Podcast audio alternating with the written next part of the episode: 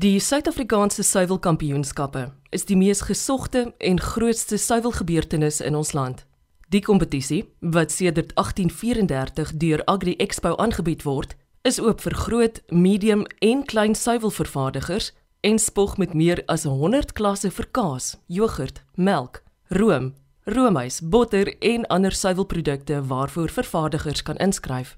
Wenners van die onderskeie klasse word dan as SA kampioen bekroon. Produkte van uitsonderlike gehalte wat 'n spesifieke minimumpunt op die internasionale telkaart behaal het, ontvang die kwaliteit toekenning wat deur die bedryf erken word as die enigste merk van gehalte. Na 'n eerste ronde beoordeling deur sowat 60 beoordelaars, wys 'n onafhanklike paneel van 5 kundiges die produk van die jaar aan. Maar dis juis die stories van klein suiwelvervaardigers en hulle vasbyt oor die jare wat ek baie graag vanoggend met jou wil deel.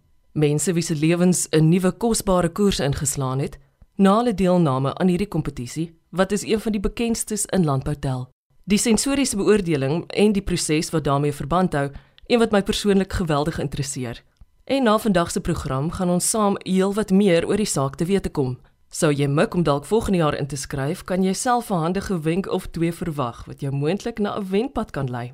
Die suiwelkampioenskappe spog ook met 'n besonderse veer in die hoed. Van alle kompetisies wêreldwyd is ons in die enigste een wat in die tyd van die pandemie steeds kon voortgaan. Hoofuitvoerende beampte van Agri Expo, Johan Elers, verduidelik hoe daar innoverend te werk moes gaan om dit reg te kry. Weereens is dit uitdagings gewees nou met COVID en het ons hibriede geleenthede begin aanbied waar ons dit uitgesaai het op ons webblaaie en dit het baie goed gewerk in die opsig van die hoeveelheid uh mense wat dit bygewoon het aanlyn en nie net in Suid-Afrika nie maar ook internasionaal.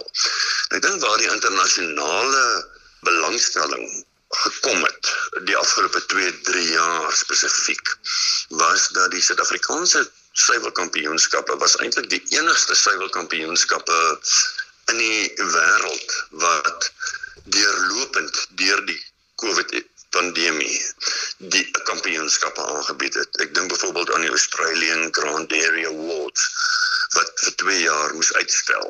Um die World Cheese Awards in die Verenigde Koninkryke wat 'n jaar nie dit gedoen het nie of die World Championship Cheese Contest in Madison, Wisconsin wat ook moes uitstel een jaar nie gedoen het nie en die volgende jaar moes uitstel. Was ons in die bevoordeelde posisie om met as die innovering en ondersteuning van die bedryf en instansies soos die departement landbouweskaap deurloop in die afgelope 3 jaar die suiwelkampioenskappe te kon aanbied sonder enige onderbreking en dit het nogal die internasionale oë op ons laat vestig. Hoe het ons dit gedoen?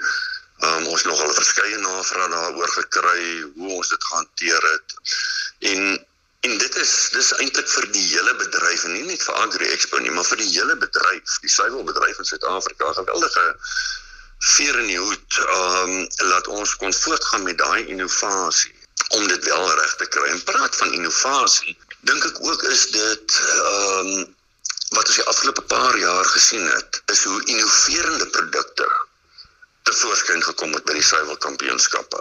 Of dit nou is 'n kaas wat in wingerblare toegedraai is of met pinotage geïnfused is of wat ook al die geval is. Dit is asof daar 'n nuwe innovering losgekom het, nuwe idees by die vervaardigers en hulle probeer alles. Nou hier is 'n ideale platform om dan daai produk in te skryf en te sien, right, wat sê die beoordelaars? As ek 'n goeie punt kry, dalk gaan dit werk in die mark ja of nee. So ek dink die ander aspek wat vir my baie baie belangrik is is omdat dit so 'n groot kampioenskappe is um nasionaal en ons er werklik waarvan ons internasionale maatskappye in Suid-Afrika wat baie sterk deelnemers is kry tot ons klein boutique kaasmakertjies um of vervaardigers wen almal pryse. Um dit is nie dat een dit alles oorheers nie. Ek dink byvoorbeeld hierdie jaar, ja, Lactalis Suid-Afrika het 5 kwaliteit toekenninge gekry. Fairview het 3 gekry. Delnori daarbo in Babsfontein het 2 gekry. Clover het ook 2 gekry. Maar dan kom die Pekelaar boerenkaas in in Klein River Cheese in um Darling Romerye. So dit is dis van groot tot klein En en dit is vir my 'n bewys dat die stelsel wat in plek is reg is. Want dit gee nie net erkenning of dit lig nie net die groot maatskappye uit nie, maar ook die kleintjies. En dan aan die ander kant ook, ons is nou die afgelope 3 jaar het ons kaas as suiwelproduk van die jaar gehad, maar ons het al 'n uh, uh, frozen yogurt as 'n produk van die jaar gehad. Ons het al 'n botter as 'n produk van die jaar gehad. So hy speel na alle velde toe en ek dink na 189 jaar wat ons die Suid-Afrikaanse suiwelkampioenskappe aanbied van die beginjare af van 1833 34 met 'n botter en 'n kaas wat beoordeel is het ons 'n stelsel ontwikkel waar ons regtig die volle spektrum van groot vervaardiger tot klein vervaardiger van sensoriese evaluering tot produkontwikkelaar almal akkommodeer met uitstekende resultate. Johan, ek moet jou tog vra oor die proses van sensoriese evaluering. Hoe op aarde stel 'n mens daardie paneel saam? Dit dit is dit is een van die uitdagings Eloise omdat ons nie amptelike kursusse wil ek amper sê in die in die suiwelbedryf of geakkrediteerde kursusse het waardeur beoordelaars kan gaan nie en ek wil hier verwys na die wynbedryf toe. Die wynbedryf het verskeie kursusse. Jy gaan deur kursus A of B of C en hy's geakkrediteer en daai akkreditasie gee vir jou die reg om by die Suid-Afrikaanse Nasionale Wynskouvereniging te gaan beoordeel. Of ander onafhanklike individue het kursusse en jy kan by hulle kompetisies gaan beoordeel. Daar is wel sensoriese, daar's uitstekende sensoriese evalueringskursusse in Suid-Afrika wat ontwikkel is wat ons ook al aangebied het in samewerking met die MPO en wat baie baie goeie aftrek gekry het. Dit het ongelukkig weens COVID het dit 'n bietjie na op die agtergrond gestaan.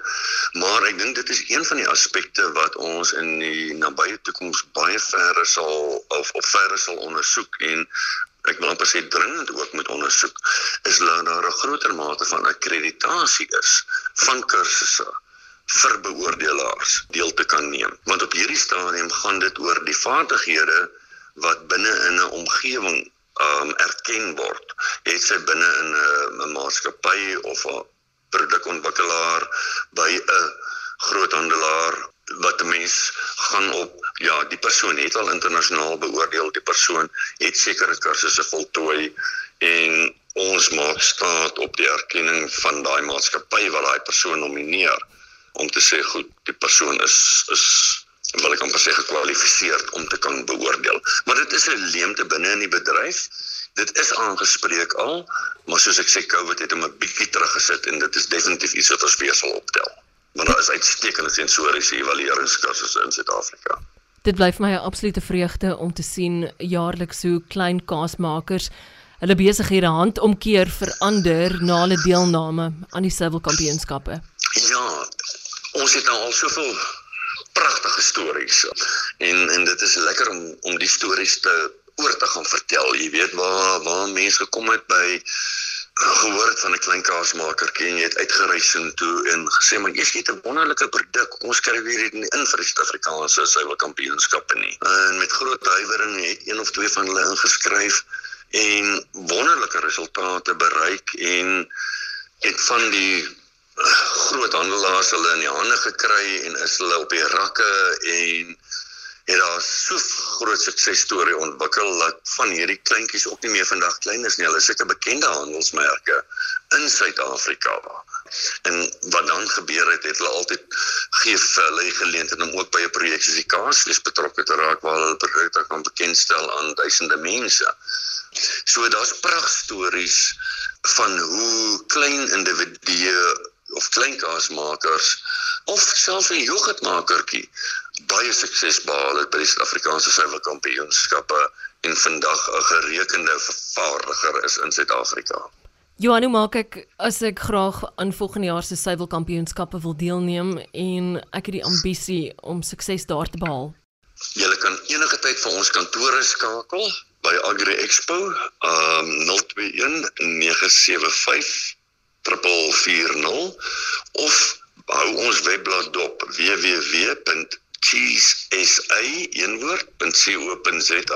waar die aankondiging met die nuwe datums binnekort sal verskyn vir volgende jaar vir 2023 se kampioenskappe. Wanneer maak ons oop? Wanneer is beoordeling en wanneer is die toekenningsgeleentheid? Eloise, ek wil uit my hart uit sê dat ek glo daar lê nog 'n pragtige tyd voor. Ehm um, ons is deur baie uitdagings, maar ek dink as daar iemand is wat innoverend was, of 'n bedryf was wat innoverend was, wat eintlik die land gedra het, is dit landbou. Ehm um, ons het gesien met van ons eie projekte, ehm um, hoe nie net Agri Expo en sy personeel nie, maar met rolspelers wat saam met ons uh met nuwe innoverende gedagtes vorendag gekom het. Ehm um, hoe ons weer kon suiwelkampioenskappe aanbied, hoe ons die kaasfees nou onlangs kon aanbied. En ek glo so in die die positiewe aspekte uh, rondom dit. Ehm um, dat ons ons moenie vir ons van stryk af laat bring deur die bietjie negatiewe wat daar is nie. Alhoewel ons nie weet waar die doelpale die hele tyd is nie. Ehm um, moet ons net aanhou bly innoveer en aanbied en die ekonomie verder help opkry want dit is waartoe landbou nog die heeltyd die land dra en saam kan ons dit almal doen. Um ons moenie probeer om alles op ons eie te doen nie, maar ons moet net hierdie groot masjien raak wat voortbeer en sukses kan behaal vorentoe. So gesels hoofuitvoerende beampte van Agri Expo, Johan Elers. By dese sien ek sommer reeds uit na wat volgende jaar voorlê by die Suid-Afrikaanse Suiwelkampioenskappe en wat dit vir beide groot en klein vervaardigers gaan beteken. Onthou, hierdie is 'n program waarna jy gerus weer kan luister. Maak 'n draai op www.rsg.co.za. Ek is Eloise Pretorius en RSG Landbou word ondersteun deur die Wes-Kaapse Departement van Landbou vir jou.